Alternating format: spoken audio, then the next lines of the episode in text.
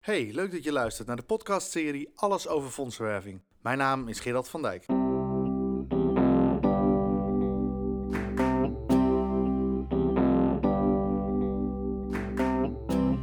Je luistert naar een podcast van Krantio Fondsenwerving.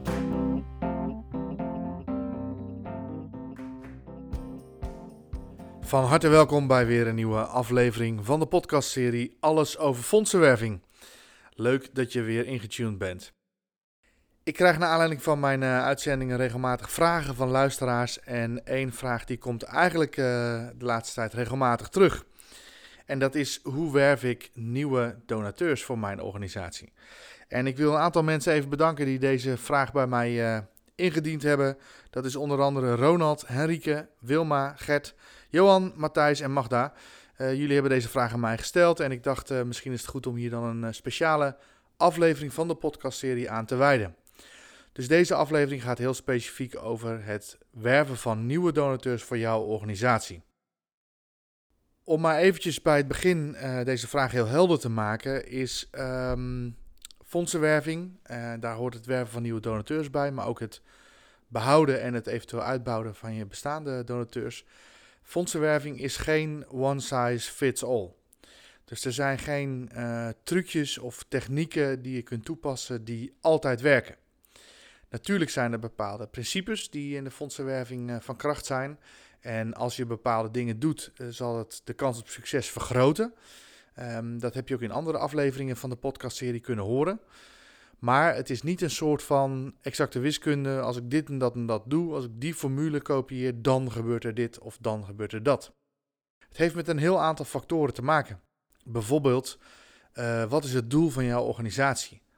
Er zijn doelen, en ik ga ze hier niet noemen, maar er zijn doelen die een veel hogere gunfactor hebben in onze samenleving.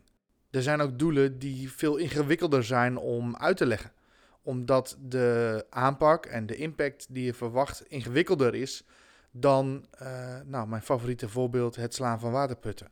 Die hoef je namelijk niet uit te leggen, dat snapt iedereen meteen. Dus het kan zijn dat jouw uh, uh, doel van jouw organisatie uh, kan zeer aantrekkelijk zijn, maar kan ook wat minder aantrekkelijk zijn. Je naamsbekendheid speelt een rol. Dus heeft men al van jouw organisatie gehoord en al eerder gehoord? Hebben mensen misschien zelfs al positieve ervaringen met jouw organisatie? Nou, dat speelt een rol. de activiteit die je doet. Dus als je al heel actief bent op social media en mensen regelmatig berichten van jou voorbij zien komen, dan, dan heeft dat ook invloed. Of ben je nog relatief nieuw en moet je eigenlijk nog beginnen met het positioneren van jouw merk, van jouw organisatie. Nou, dat zijn allemaal factoren die hebben invloed op de manier en het effect van het werven van nieuwe donateurs. Ook wat er in het nieuws speelt uh, heeft grote invloed. Zo heb ik ooit eens een keer een campagne gedaan in, uh, voor een organisatie die ontwikkelingssamenwerking in uh, Afrika uitvoert. En uh, vrij snel daarachteraan brak het ebola-virus in alle hevigheid los. Nou, die hele campagne die konden we zo de prullenbak invegen, omdat het nieuws domineerde ebola. En um, daar werden uh, ook campagnes voor opgezet en geheel terecht.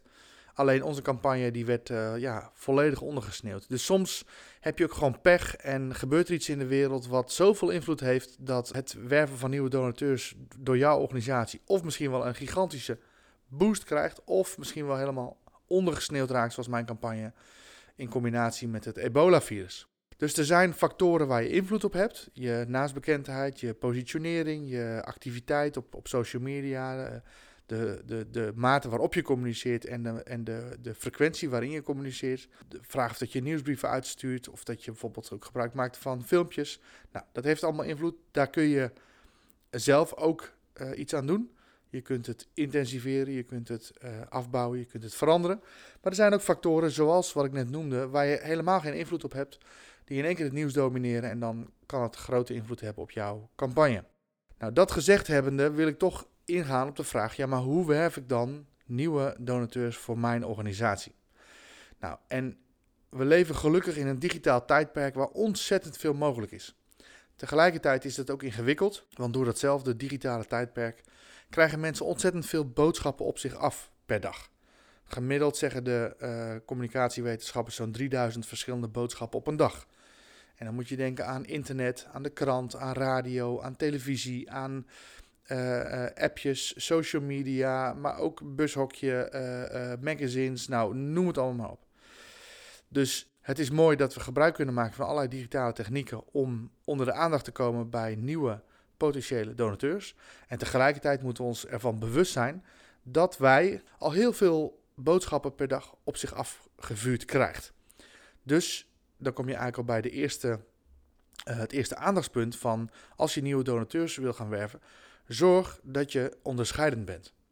Als jij hetzelfde doet wat al die anderen ook al doen en je eh, etaleert dat ook nog eens een keer op dezelfde manier, ja, dan ben je dus niet onderscheidend.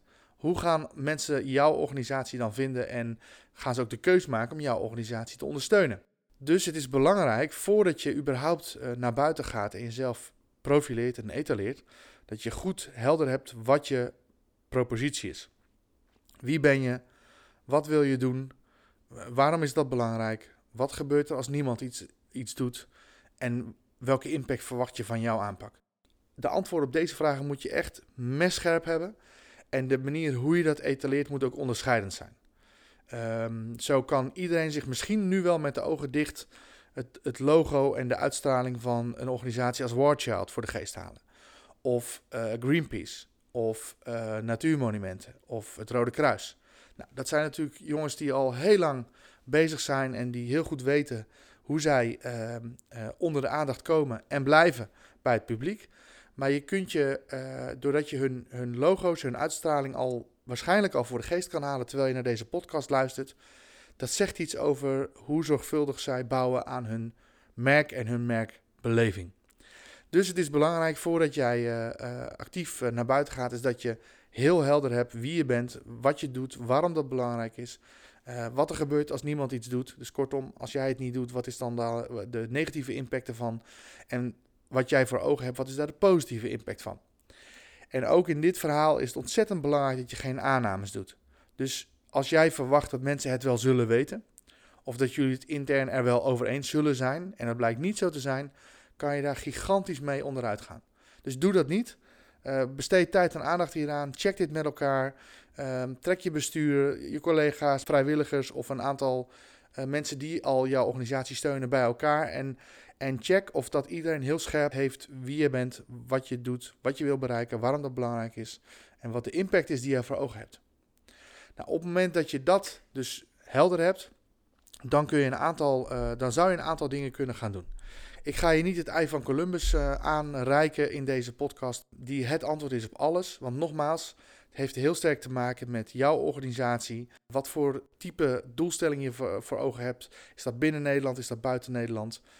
Uh, hoe verhoudt zich dat in de media en al het andere nieuws wat onze media domineert? Nou, eigenlijk al wat ik een beetje bij de introductie uh, heb genoemd.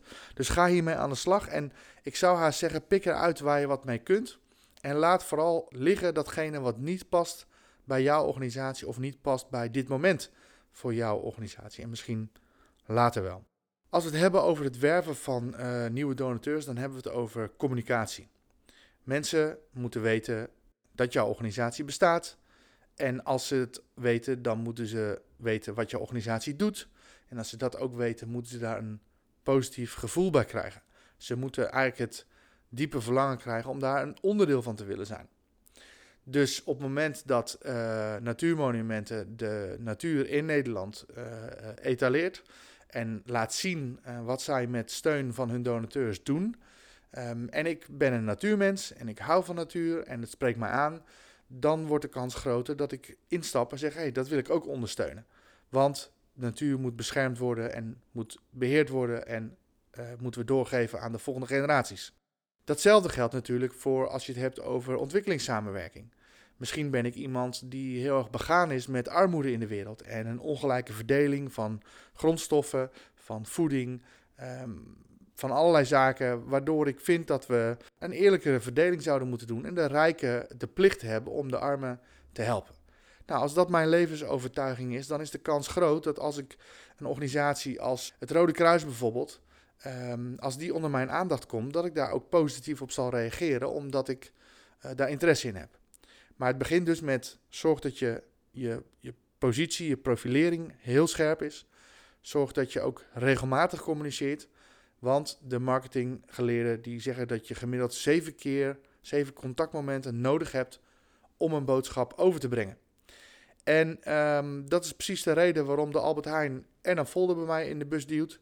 En ik televisiereclames zie van de Albert Heijn. En ze ook nog adverteren op het bushokje op de route waar ik dagelijks langs rijd. Waarschijnlijk weet de Albert Heijn niet eens welke van die drie, of misschien nog wel vier of vijf reclameboodschappen mij uiteindelijk triggeren om die 1 plus 1 actie te komen halen. Uh, ik weet het zelf waarschijnlijk niet eens bewust, maar zij zeer waarschijnlijk ook niet. En toch doen ze al die verschillende boodschappen. En waarom? Um, als goed doel ben je natuurlijk geen Albert Heijn, maar we kunnen wel bepaalde lessen van hun leren. Um, zij weten als geen ander hoe belangrijk het is om die zeven contactmomenten te creëren. Om met regelmaat te vertellen wie je bent, wat je doet en, en wat je te bieden hebt.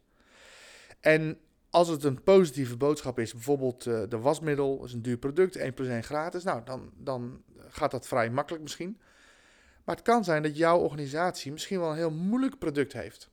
Dat je bepaalde, mm, voor bepaalde idealen staan die heel uh, gevoelig liggen of controversieel zijn of waar, nou ja, uh, verschillend over gedacht wordt.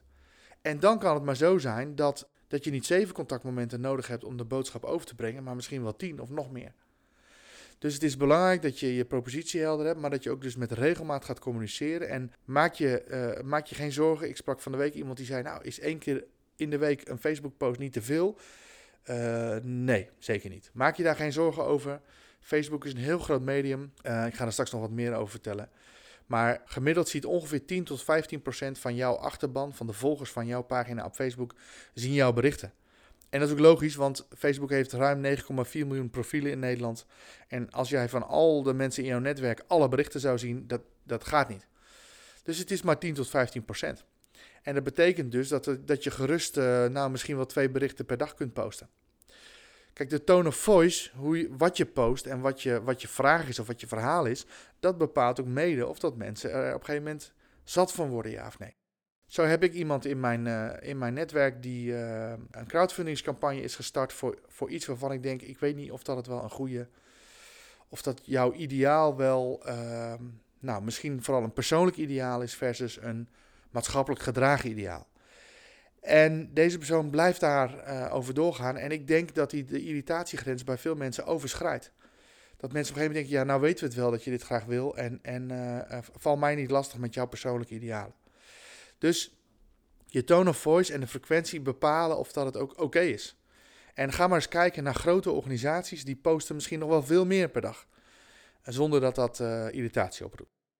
Oké, we hebben het dus over het werven van, uh, van nieuwe donateurs. Ik wijd een beetje uit. Het is ook een heel breed onderwerp waar heel veel bij komt kijken. En ik probeer je eigenlijk zoveel mogelijk informatie te geven in deze korte aflevering. Een van de dingen die je kunt doen, en nogmaals, het zijn een aantal handreikingen. Je moet zelf bepalen of dat je ze kunt uh, toepassen voor jouw organisatie.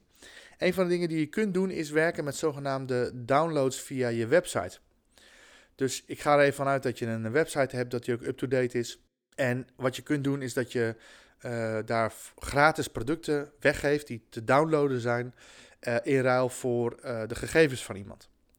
Nou, um, ik ga zo een paar voorbeelden noemen hoe je dat kunt toepassen. Maar met de vraag voor de gegevens van mensen kun je een beetje mee spelen. Hoe meer jij vraagt van mensen, want je wilt natuurlijk het liefst alles weten: voornaam, achternaam, adres, woonplaats, geboortedatum, e-mailadres, etc. Maar hoe meer jij vraagt, hoe meer handelingen mensen moeten verrichten om die download tot zich te nemen. Nou, en de vraag is even hoe waardevol zij die download uh, vinden. Maar ik zou daar proberen een beetje mee te spelen. Dus je kan ook zeggen, nou wat ik eerst eens ga doen is gewoon voornaam en e-mailadres vragen. Dus mensen hoeven maar twee velden in te vullen. Dan krijgen ze die download van mij en ik ga dan vervolgens een strategie bedenken hoe ik die download ook ga opvolgen. Nou, even een voorbeeld. Stel je voor, uh, ik had het net over uh, natuurmonumenten. Stel je voor, jouw organisatie is actief op het gebied van uh, natuur en milieu. Dan zou je een download op je website kunnen plaatsen met leuke wandel- of fietsroutes. Um, en op het moment dat mensen die uh, downloaden en er zitten 10 of 15 routes in, dan vraag je om hun naam en e-mailadres. Uh, zij downloaden dat product. En misschien dat jij dan na een week of na twee weken een berichtje stuurt van beste Harry. Uh, je hebt onze wandel- en fietsroutes uh, gedownload. We hopen dat je er veel uh, plezier aan hebt beleefd. misschien heb je al één of twee routes gedaan. En vertel ons vooral wat je ervan vond. En nou, misschien wil je wat mooie foto's van onderweg met ons delen. De truc is natuurlijk dat de download in verhouding staat tot de idealen van jouw organisatie. Dus als je je bezighoudt met natuur en milieu, dan wil je dat graag behouden en verder doorontwikkelen. Dus je zoekt mensen die dat ook willen. Die dus ervan houden om in de natuur te zijn en daarvan te genieten. Dus in dit geval, en nogmaals, het is maar een voorbeeld, zou een wandel- of fietsroute zou een hele leuke manier zijn om uh, die mensen aan te spreken die daar ook interesse in hebben. Wat je ook zou kunnen doen, is dat je bijvoorbeeld, uh, we hebben net een vrij uh, warme zomer achter de rug, tenminste met een aantal hele warme momenten. Wat je zou kunnen doen, is dat je daarop inspeelt door een, een, een download te maken met bijvoorbeeld ehm, de coolste plekjes in de natuur. Dus je, je speelt in op de actualiteiten en mensen, de, de, de warmte, de hitte domineert het nieuws. En daar, daar speel je op in door die plekjes te delen met mensen waar het cool en verfrissend is. Bijvoorbeeld aan een leuk vennetje uh, in een bos, uh, aan zee met een windje, nou, noem maar op. Dus op, op die manier kan je uh, downloads creëren, misschien ook wel die vrij goed zullen scoren in de Google zoekmachine, omdat mensen bezig zijn met het onderwerp. Een ander voorbeeld. Stel je voor, je bent een organisatie die actief is in ontwikkelingssamenwerking. Dan zou je, als je een heel specifiek land of een heel specifiek gebied bedient, zou je bijvoorbeeld een download kunnen maken met zeven typische gerechten uit Peru of Mozambique of ergens op de wereld waar jouw organisatie actief is. Of bijvoorbeeld als je wilt inspelen op gezinnen met kinderen, uh, dan zou je een handleiding kunnen uh, maken met hoe zij zelf een mini waterzuiveringsinstallatie kunnen bouwen.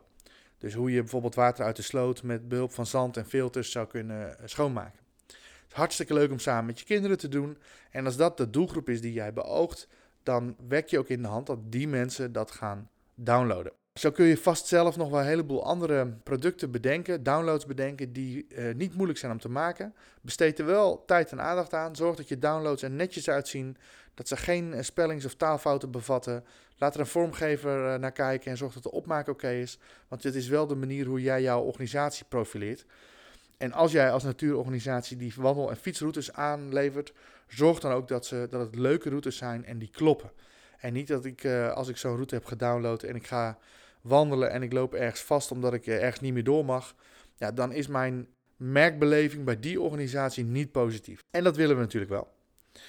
Want vervolgens, um, door deze downloads, uh, genereer je leads. En die leads kun je weer inzetten om op te volgen met bijvoorbeeld een giftverzoek of de vraag voor een structurele machtiging. Ik ga er straks nog wat meer over vertellen. Als je werkt met downloads via je website, vergeet dan niet om ook je social media kanalen daarop in te laten spelen. Dus op die warme dag, plaats een post op Facebook. Hebben jullie het ook zo warm? Download hier dan de uh, 10 coolste plekjes in de provincie Utrecht. Ik noem maar wat.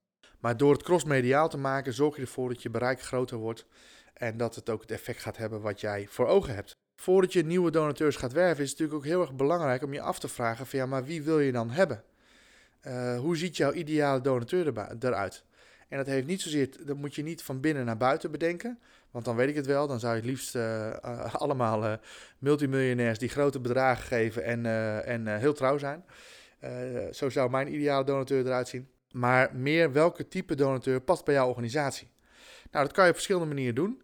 Je kan uh, een uh, data-analyse uitvoeren op je eigen bestand en kijken welke profielen komen in je bestand uh, voor. Dan heb je het over leeftijd, gezinssamenstelling, opleidingsniveau, welke media mensen volgen, of dat ze uithuizig zijn en zo ja, zijn het dan cultureel of meer muzikaal, internationaal. Nou, je kunt allerlei kenmerken van je donateurs kun je verzamelen door een data-analyse. En op het moment dat je dat doet, dan kun je twee dingen doen.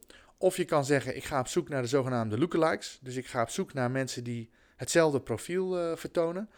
Of je kan juist het tegenovergestelde doen. Zeggen, nee, ik ga juist op zoek naar mensen die een ander profiel vertonen. Want ik wil een betere mix in mijn database. Uh, dus als jouw, uh, een voorbeeld, als jouw uh, bestand veelal bestaat uit gepensioneerden. Die houden van fietsen en reizen en goed belezen zijn. Dan kan je zeggen, ja, ik ga op zoek naar lookalikes. Maar daar kan ik misschien nog 10 of 15 jaar mee vooruit. En dan verdwijnt deze generatie ook weer.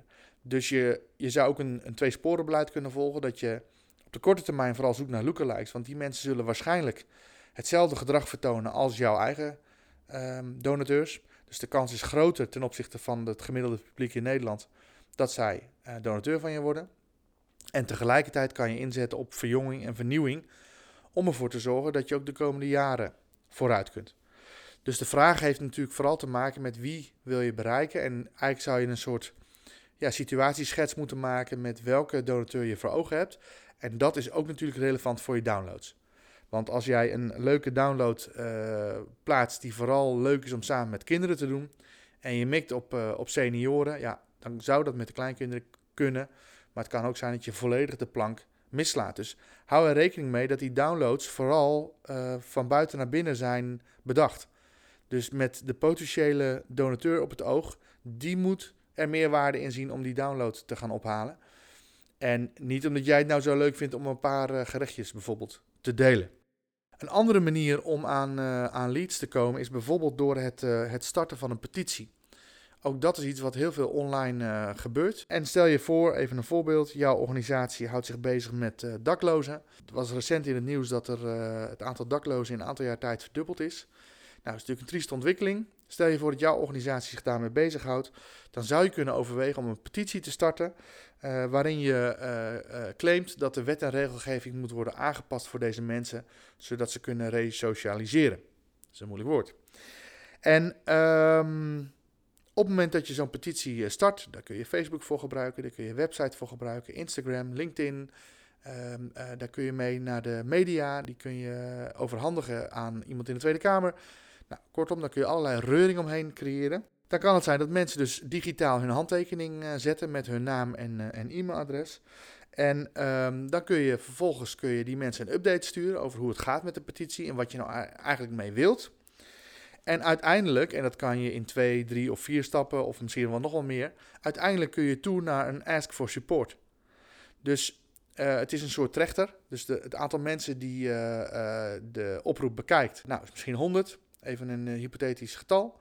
Het aantal mensen wat daadwerkelijk ook een handtekening zet is misschien uh, 75. De mensen die ook nog uh, die updates daadwerkelijk lezen is misschien 60. En op het moment dat je aan die 60 vraagt van... hé, hey, maar we willen ook al voordat deze wetgeving wordt aangepast... er zijn voor deze mensen en daar hebben we dit en dat en dat voor nodig. Waarbij je een hele concrete vraag voorlegt. En misschien wel een concrete casus voorlegt. Uh, dan kan het zijn dat van die 60 misschien uh, 40 of 30 of 20 uh, ja erop zeggen. Dus, en dat is niet erg, zo werkt het nou eenmaal. En zorg ervoor dat je elke stap en elke trede gewoon serieus neemt. Dus bedank ook de mensen die gewoon een handtekening hebben gezet, maar die geen donateur worden. Want zij zullen altijd een, een, positieve of een negatieve associatie met jouw organisatie houden tot in lengte van dagen. Ik heb ooit een keer zelf een situatie meegemaakt en ik, ik denk dat het niet goed opgeleide studenten waren.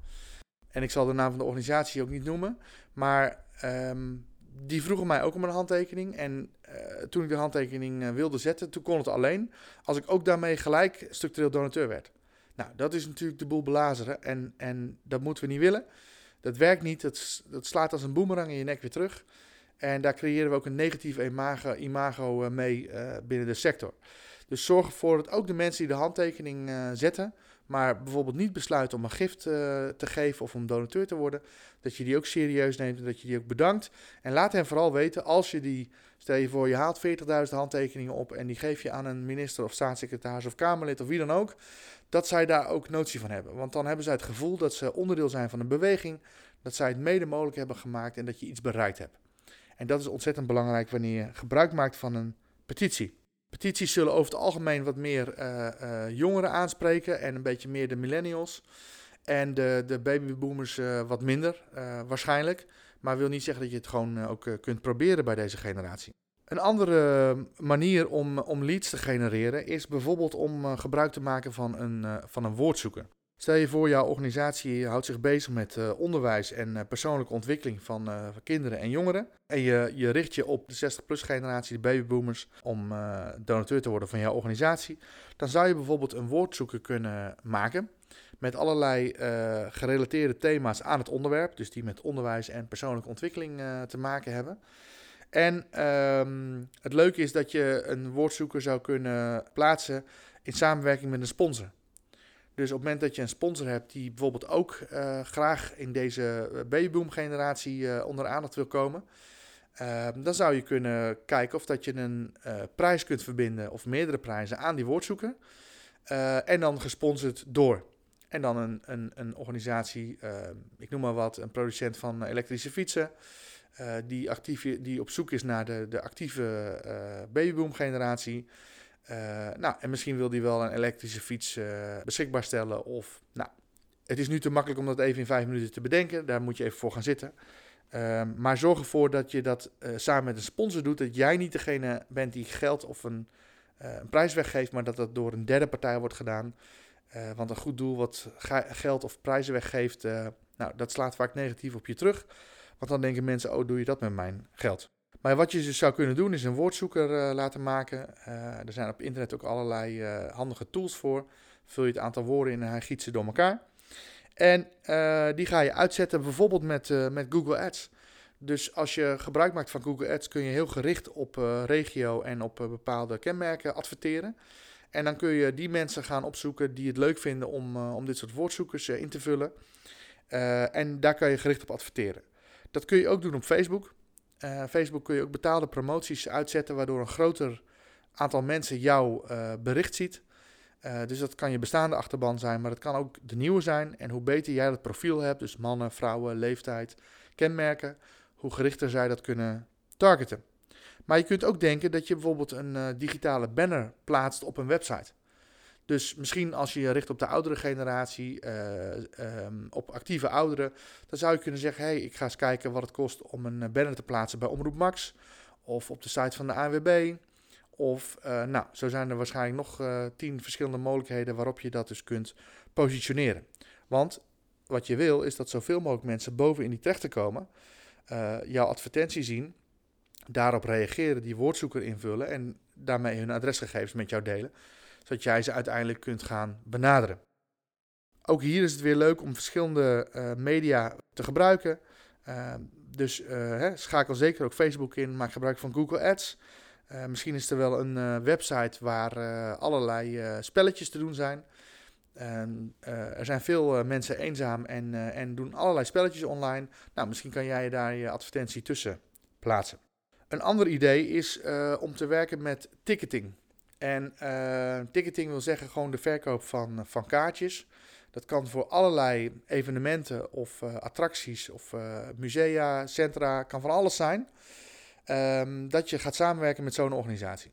Dus bijvoorbeeld, stel je voor, je bent een organisatie en je, werkt, je zet je in voor mensen met een lichamelijke beperking.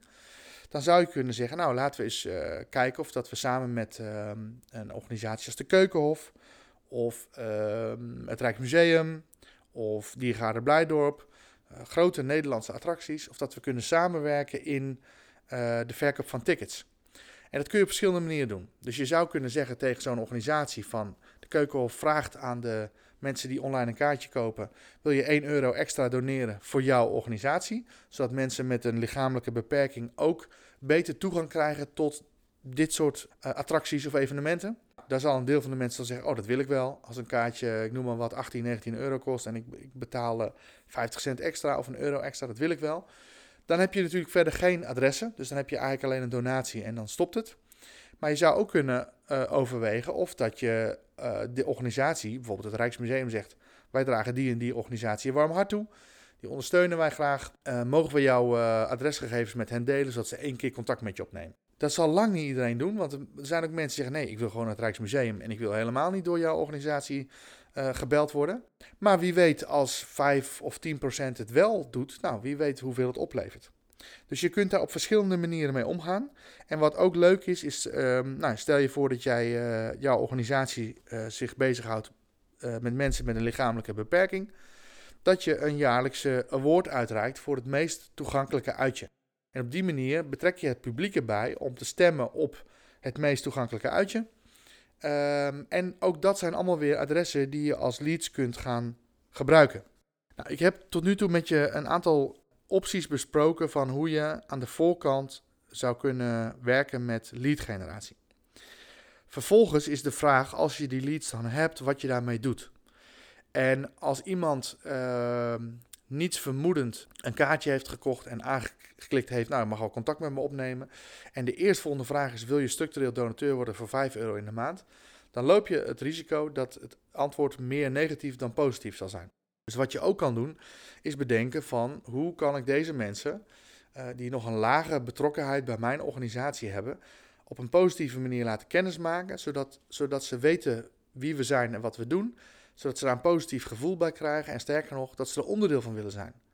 En dat antwoord kan ik je niet zo uh, pasklaar geven. Het enige wat ik je daarin kan adviseren is dat het soms wijs is om een aantal stappen in te bouwen.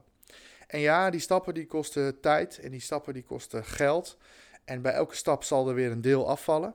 Maar dat moet je gewoon incalculeren. Dat hoort erbij. Elke marketing- en sales funnel, of dat het nou van, van, uh, van Zalando is of van Coolblue of van Amazon, die werken allemaal zo. Die weten dat ze bij elke stap dat er een deel van de mensen uh, niet doorgaat naar de volgende treden. Dat hoort erbij. Maar hoe beter je die stappen meet en monitort en ook analyseert waar haken nou de meeste mensen af, uh, daar kun je dan weer rekening houden met je volgende campagne. Maar meten is weten en, en leren is vooral ook fouten maken. Want van je fouten leer je het meest en die kun je dan de volgende keer anders doen, waardoor de kans op succes toeneemt. Maar als je dat dus jezelf niet toestaat om te experimenteren en om fouten te maken, ja, dan blijf je altijd datgene doen wat je al deed. En een tegeltjeswijsheid zegt, dan krijg je ook wat je altijd al kreeg. En dat willen we niet, want dit onderwerp ging over nieuwe donateurs werven. Dus dat betekent ook nieuwe dingen doen. Dingen die je misschien tot nu toe nog niet gedaan hebt. Uh, de kunst is natuurlijk wel, als je gaat experimenteren, dat je zo snel mogelijk leert. Dus het is een beetje jammer als je een telemarketingcampagne opzet en pas na de tienduizendste telefoontje kom je erachter dat de conversie wel bedroevend laag is. Daar wil je eigenlijk al, nou misschien na 250, 300, 400 telefoontjes wil je al je eerste beeld kunnen zien ontstaan. En na 1000 wil je het eigenlijk zeker weten en dan eventueel de campagne stoppen of veranderen als het niet het resultaat oplevert die jij wil. Dus snel falen en snel inzichten opdoen, dat hoort er natuurlijk bij, want dan kan je bijsturen. Zoals ik deze podcast al begon, ik kan je niet het verlossende antwoord geven over hoe jouw organisatie nieuwe donateurs werft. Maar ik hoop dat je me kunt volgen in bepaalde gedachtegangen, in hoe je uh, leads genereert via verschillende uh, uh, manieren, passend bij jouw doelgroep die je op het oog hebt, passend bij het doel wat je wil bereiken.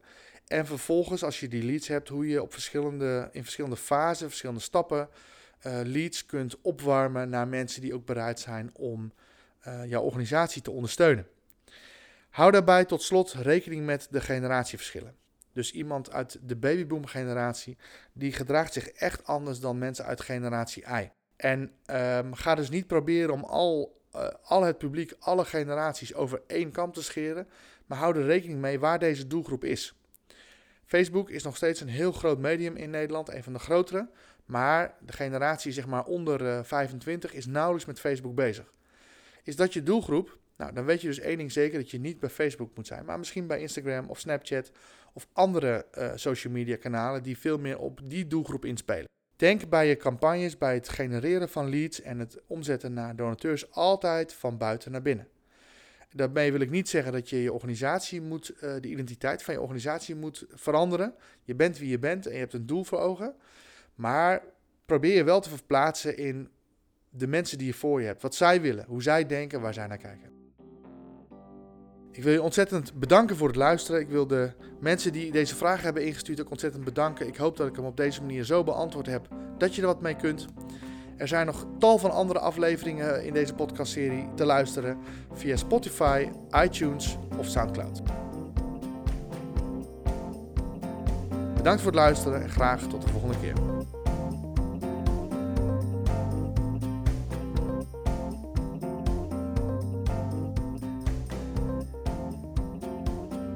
Heb je vragen? Stuur je mail naar podcast.grantioe.nl